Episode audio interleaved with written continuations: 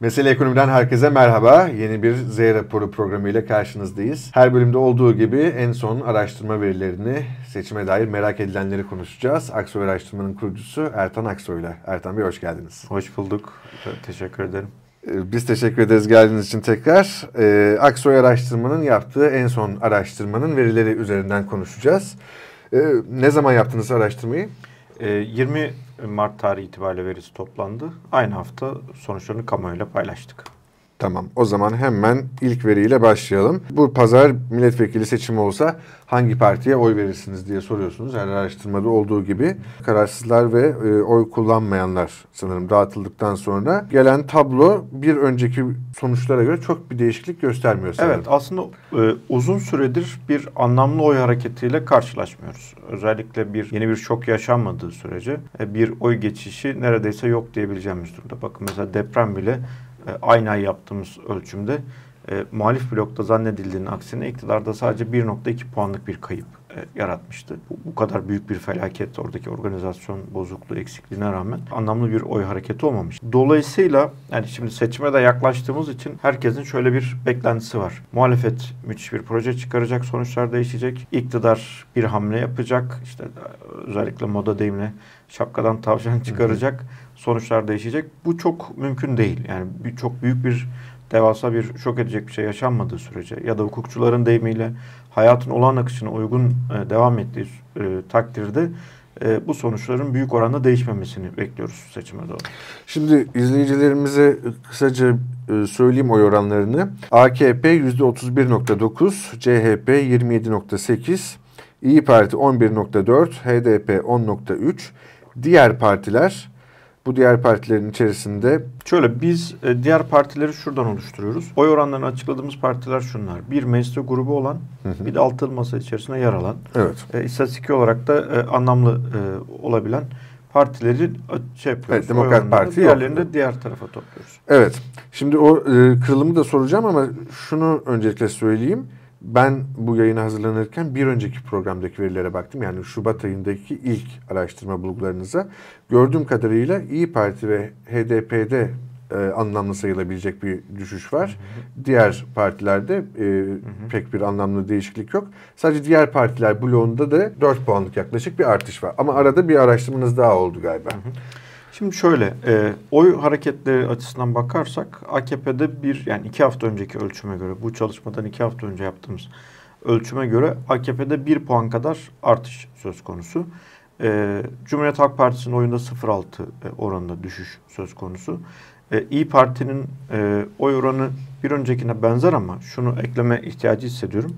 E, özellikle bu müzakere sürecinden önce yani işte altılı masadaki o e, kamuoyunun çatlak olarak kabul ettiği, benimse siyasetin normalleşmesi olarak gördüğüm o müzakere sürecinin hemen öncesinde yaklaşık 14 puan üzerinde e, bir e, oy oranını görüyorduk. Şimdi 11'lerde yani o süreç bir kayıp yaşattı hı hı. E, İyi Parti'ye ama sonuçta %11'lik oyunu da koruyor. Tip'te ve Memleket Partisi'nde bir hareketlilik var. Önceki oy oranlarına göre %1, %2 düzeyinde bir artışlar söz konusu. Onun dışında diğer partilerde rutinine doğru gidiyor ama e, Deva, Gelecek ve Saadet Partisi'nde de e, eski oy oranını göremiyoruz. Artık orada da bir... Evet yani bir puanın biraz altında 0.8-0.6 civarında dolaşıyorlar. Zaten oradaki farklılık da herhalde e, çok e, hata payı içerisinde kalacak tabii, tabii, tabii, şeyler. Tabii.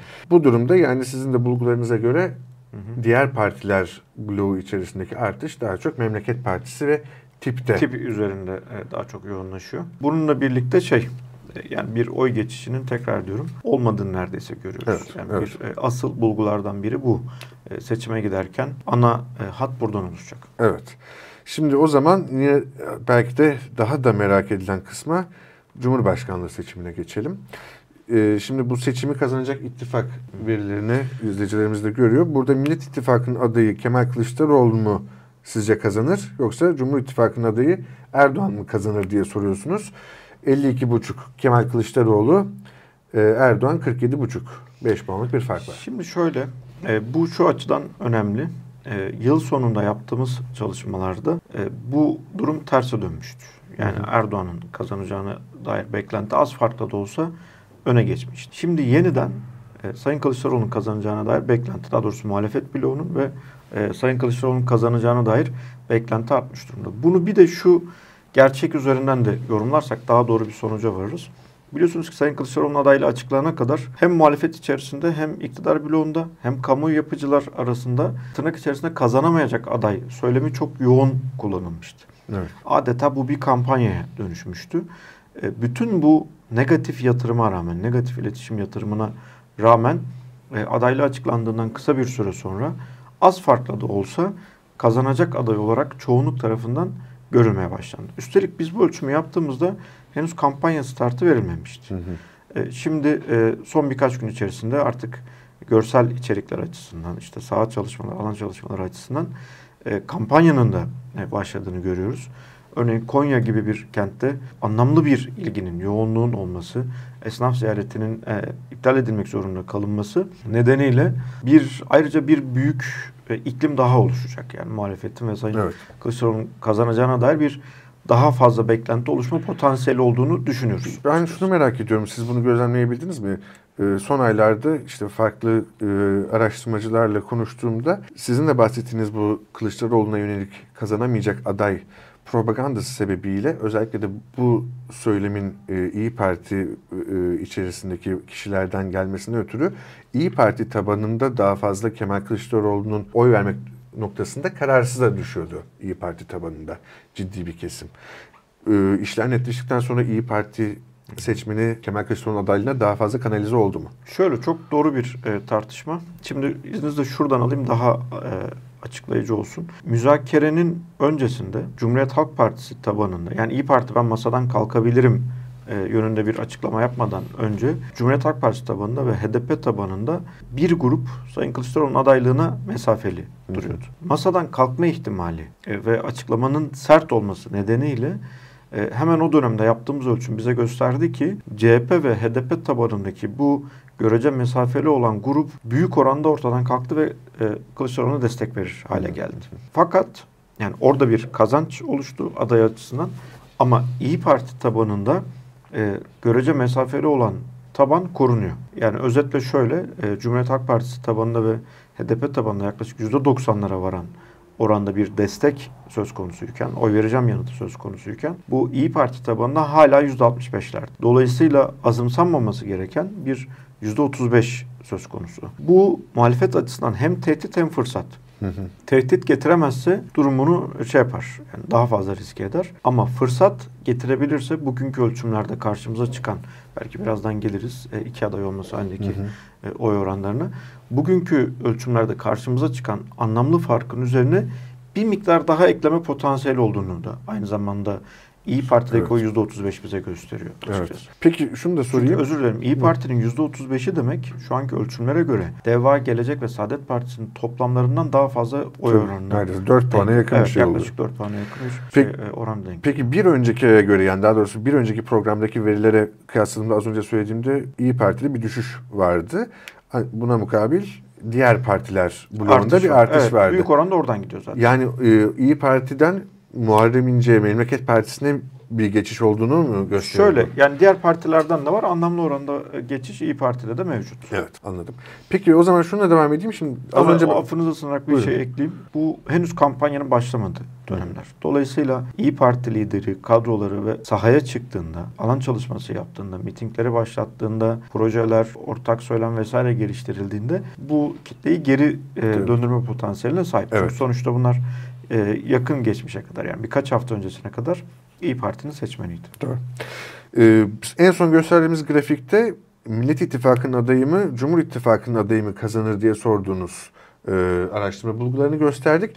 Peki siz hiç e, Cumhurbaşkanlığında kime oy vereceksin ya da birinci turda hangi adaya oy verirsiniz şeklinde sordunuz mu araştırmanızda? Tabii. e, iki hafta arayla e, yaptık. İlk e, ölçtüğümüzde yani bu çalışmadan iki hafta önce ölçtüğümüzde %11.2 fark çıkıyordu. Hı hı. E, son ölçtüğümüzde bu fark %13.6'ya çıktı Sayın Kılıçdaroğlu'nun lehine. Hı hı. Yani 11.2 puanla geçiyor Sayın Kılıçdaroğlu. Şimdi 13.6 puan farkla geçiyor. Oranlar da şöyle e, 56.8'e 43.2 Hı hı. e, oranlarıyla karşılaşıyoruz. Başlangıç için anlamlı bir fark ama orada daha anlamlı bir bulgu var. O da şu. Şimdi e, bu ölçümden iki hafta önce yaptığımız ölçümde %11.2'yi bulduğumuzda şöyle bir tartışma karşımızda duruyordu. E, beklenen üstüne bir oy farkı var. E, mesela bizim şirket olarak tahminimiz %7, 6-7 düzeyinde bir farkla başlar diye düşünüyorduk. Beklenenin üzerine bir e, oy farkı var.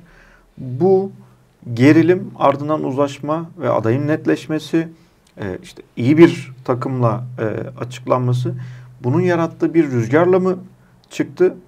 Özetle iktisatçı deyimiyle bakacak olursak durum sürdürülebilir mi? Hı hı. Ee, orada bir sürdürülebilir mi sorusu vardı. Bir büyük soru olarak karşımızda duruyordu. Yani sonraki ölçümlerde gerileyecek mi, koruyacak mı veya artıracak mı? Hemen iki hafta sonra yaptığımız ölçümde sadece korumayıp iki puan da artırdığını Evet, e, gösteriyor. çok çarpıcı, çok 2.4 puan da e, artırdığını e, gösteriyor. Dolayısıyla ilk bulgular sürdürülebilir e, olacağı yönünde. E, bunun yanı tabii az önce bahsettiğimiz seçmendeki kararlılıkları da eklesek, e, eklediğimizde daha da e, şey oluyor, e, daha da güçlü hale geliyor.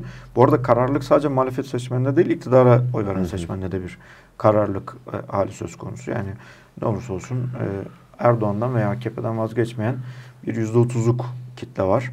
Keza aynı şekilde yüzde altı buçuk, yedi buçuk arasında gezen bir oy oranıyla Milliyetçi Hareket Partisi için e, benzer bir durum söz konusu. E, haliyle kalan 50 günde e, bu iklimle devam edilirse görünen o ki e, bugünün iktidarı yakın geleceğin muhalefeti, Evet. bugünün muhalefeti yakın geleceğin iktidarı. Evet. Değişim geliyor gibi gözüküyor. Peki az önce söylediğiniz veriler ama yine sadece Kılıçdaroğlu ve Erdoğan'ın yarıştığı Evet. senaryoya dair. Evet. Ee, birinci turda Muharrem İnce ya da Sinan Oğan'ın oy oranlarına dair bir bulgu vermenizde. Ee, şöyle onu özellikle adaylıklar kesinleştikten sonra ölçmeyi istedik. Çünkü e, bu tür olasılıkları sorduğunuzda seçmen daha rahat yanıtlar verebiliyor. Yani rahattan kastım şu örneğin e, İyi Parti kurulmadan önce kuruluş aşamasında yaptığımız ölçümlerde bizim şirketin verilerinde yüzde 23 çıkıyordu. Yüzde 21, yüzde 23. Çok enteresan. Evet oranında çıkıyordu. Ee, ama kurulduktan sonra yaptığımız ölçümlerde e, ilk evrede özellikle ilk aylarda yüzde altı, yüzde yedi, yüzde sekize doğru gitti ölçümler vardı. Ve en yüksek bulduğumuzda yüzde on dört e, bulabildik. Şimdi dolayısıyla e, olasılıkken verdiği yanıtlarla e, iş gerçeğe dönüştüğünde verdiği yanıtlar aynı olmayabiliyor. Ama olasılıkken yapmış olduğunuz ölçümü paylaştığınızda hem ölçtüğünüz e, taraflar hem diğer e, muhatapları bu veriyi gerçek veri olarak kabul edip ona göre e, Evet. şey yapıyor, e, ilerlemeyi e, tercih ediyor. Oysa ki bu araştırma şirketleriyle bir yanıltmaya gidiyor. Her ne kadar bir kötü niyet içermese de yani o merakı gidermek açısından koyduğun sorular teknik olarak bu tür risklere açık Evet, olduğu sonuç için sağlıksız olabilir. yanıltıcı olabiliyor. Bu durumda yarın e, oy pusulası resmiyetini kazanacak. Sizin bir sonraki araştırmanızda e, daha net bir şekilde Aynen. bunu Önümüzdeki göreceğiz. hafta bu sorunun yanıtını bulmuş oluruz. Harika. O zaman biz de bir sonraki programda bunları konuşuyor olacağız. Son olarak da gelelim. Her, her programda sizin ekonomi verilerinize de hızlıca bakıyoruz. Bu son araştırmada gördüğüm kadarıyla ekonomik durumun yönde değişeceğine dair beklentilerde önceki araştırmalara nazaran daha büyük bir oynama var sanki. Ne Ee, dersiniz? tabii şöyle çok şey var. Çok anlamlı bir fark var. Özellikle e, kanalınızın e, takipçilerinin daha fazla işte e, iş hayatındaki e, belki ağırlıklı beyaz yakalı e, izleyiciler olduğunu e, düşündüğüm için bu bölümü özellikle vurgulamayı tercih Hı hı. ediyorum.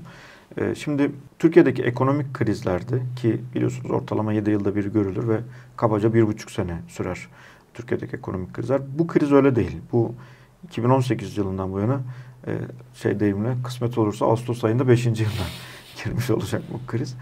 Dolayısıyla çok uzun süren bir e, kriz var karşımızda ve bunun etkileri de başka oluyor. Mesela önceki krizlerde yaptığımız ölçümlerde e, insanlar bugünü kötü ama yakın geleceği iyi olarak tarif Hı hı. ederdi araştırmalarda. 5 yıl sürmesinin de etkisiyle tek neden bu değil tabii ki. 5 yıl sürmesinin etkisiyle biz uzun zamandır ölçümlerde bugünü kötü, yakın geleceği de kötü veya daha kötü olarak e, yanıtlarıyla karşılaşıyoruz. Evet, biz de yaptığımız programlarda hepsinde Evet, bunu konuşuyoruz. paylaşmıştık. E, %75'lere varan oranda mesela 3 ay, 6 ay ve 1 yıl sonra nasıl olacak sorusuna ekonomiye dair e, kötü yanıtını alıyorduk ki %75 çok iddialı bir oran takdir edersiniz ki. Evet. Şimdi bu durumda seçime yaklaştıkça ki bir anda böyle bir iyimserlik e, oluştu. Ya böyle kademe kademe de düştüğünü iddia edemeyiz çünkü 60'lar düzeyindeydi. Ama seçime yaklaştıkça yaptığımız ölçümlerde e, giderek artık 3 ayda e, yüzde 40'lar düzeyinde bir şey geliyor. E, oran geliyor e, kötü olarak tarif edenler. 6 aya çevirdiğinizde ise e, iyi olacak diyenler kötü olacak diyenlerin sayısını geçiyor. Evet, ilk defa oldu. Evet galiba, ilk defa. mi? E, e, Yani yaklaşık 2-2,5 senedir bu soruyu özellikle takip ediyoruz. İlk defa böyle bir yanıtla Evet, karşılaşıyoruz. Müsaade ederseniz ben veriyi bir okuyayım. Türkiye'de ekonomik durumun ne yönde değişeceğini düşünüyorsunuz sorusuna 3 ay içerisinde daha kötü olacak diyenler %43. Aynı kalacak %24.1, daha iyi olacak %32.9. Dediğiniz gibi 6 ay içerisinde çok daha iyimser bir tablo evriliyor. Daha iyi olacak diyenler %42.4. Daha kötü olacak diyenler ise %38.6. Aynı kalacak diyenler de 19 dediğiniz gibi yaklaşık e, 3,5 puan e, daha fazla daha iyi olacak diyenler. Tabii bu aslında şeyin yani bugün seçimin e, ülkeye bir bakıma yani ekonomideki bekleyişler açısından da iyi geldiğini bize gösteriyor. Umut verdi. Evet, çünkü yani hiçbir veri tesadüf değildir. Bu demek ki bir e, beklentide değişim var ve hani e, elbette ki izleyicilerimizin önemli bir kısmı bizden çok daha iyi yorumlayabilir. E, ekonomide beklentiyi değiştiremezseniz pek de bir şey değiştiremiyorsunuz. Evet. E, dolayısıyla e, ana sorunlardan birini e, yakın gelecekte geride bırakma potansiyelini işaret ediyor. O da e, toplumdaki bu karamsar halin, e, olumsuz bekleyişlerin yerini adım adım e, olumlu bekleyişlere terk etme potansiyelini işaret ediyor. E, bu bulgu ülke adına sevindirici bir bulgu açıkçası. Çok doğru. Çünkü çok uzun süredir en karamsar hallerini görüyoruz. Yani mesela kötü ve berbat diyenlere ekonomi ekonominin durumu nasıl diye soranların kötü ve berbat yanıtlarını topladığınızda yüzde seksenlerin üzerine çıktığını e, gördük. Elbette ki niye böyle düşünüyorlar deme hakkımız yok e, insanlara. Çünkü zaten tarif edilen kadar da kötü bir ekonomi var ülkede. E, ama bunun değişmesinin de temel kurallarından bir tanesi beklentilerin iyileşmesi. E, ne mutlu bize ki ilk emarelerini görüyoruz. Evet. Ya bir de e, siyaseti her zaman toplum e, yönlendirir. Bizde özellikle son e, döneme işte Millet İttifakı içerisindeki çatlakta da gördüğümüz gibi siyaseti adeta ittiriyor evet, toplum. Bu, bu da bu açıdan çok önemli bir veri. Yani toplumdaki umut ve değişim inancı o kadar güçlü ki zaten siyaseti de değişmeye mecbur bırakacak gibi Çok gözüküyor. doğru. Üstelik şöyle düşün. Yani mesela bizim ölçümlerimize göre son dönem insanlar e, gelirleri giderlerini karşılayamadığı için hiç olmadığı kadar borçlanmaya çalışıyor ve bu borçlanmanın e, ana nedeni e, gelir gider dengesindeki bozukluk. Yani işte lüks tüketimini, yatırımını, gelecekteki harcamalarını öne çekmek için değil. Bugünü kurtarmak için borçlanmaya çalışan insanların yanıtları artık iyimser bloğa geçiyor. Bir de bu açıdan bakarsak çok daha kıymetli bir e, durumla Evet, karşı karşıyayız. evet, evet. Çok teşekkürler değerlendirmeleriniz ve verileriniz için. Ee, bir sonraki programda sanıyorum Cumhurbaşkanlığı seçimine dair e, daha net verilerle Tabii. daha ayrıntılı olarak konuşacağız. Çok teşekkür ediyorum tekrar. Ben teşekkür ederim söz hakkı için. Ertan Aksoy'la Aksoy Araştırma'nın son verilerinden hareketle e, en güncel anket sonuçlarını seçime dair merak edilenleri konuştuk. Bizi izlediğiniz için teşekkür ederiz.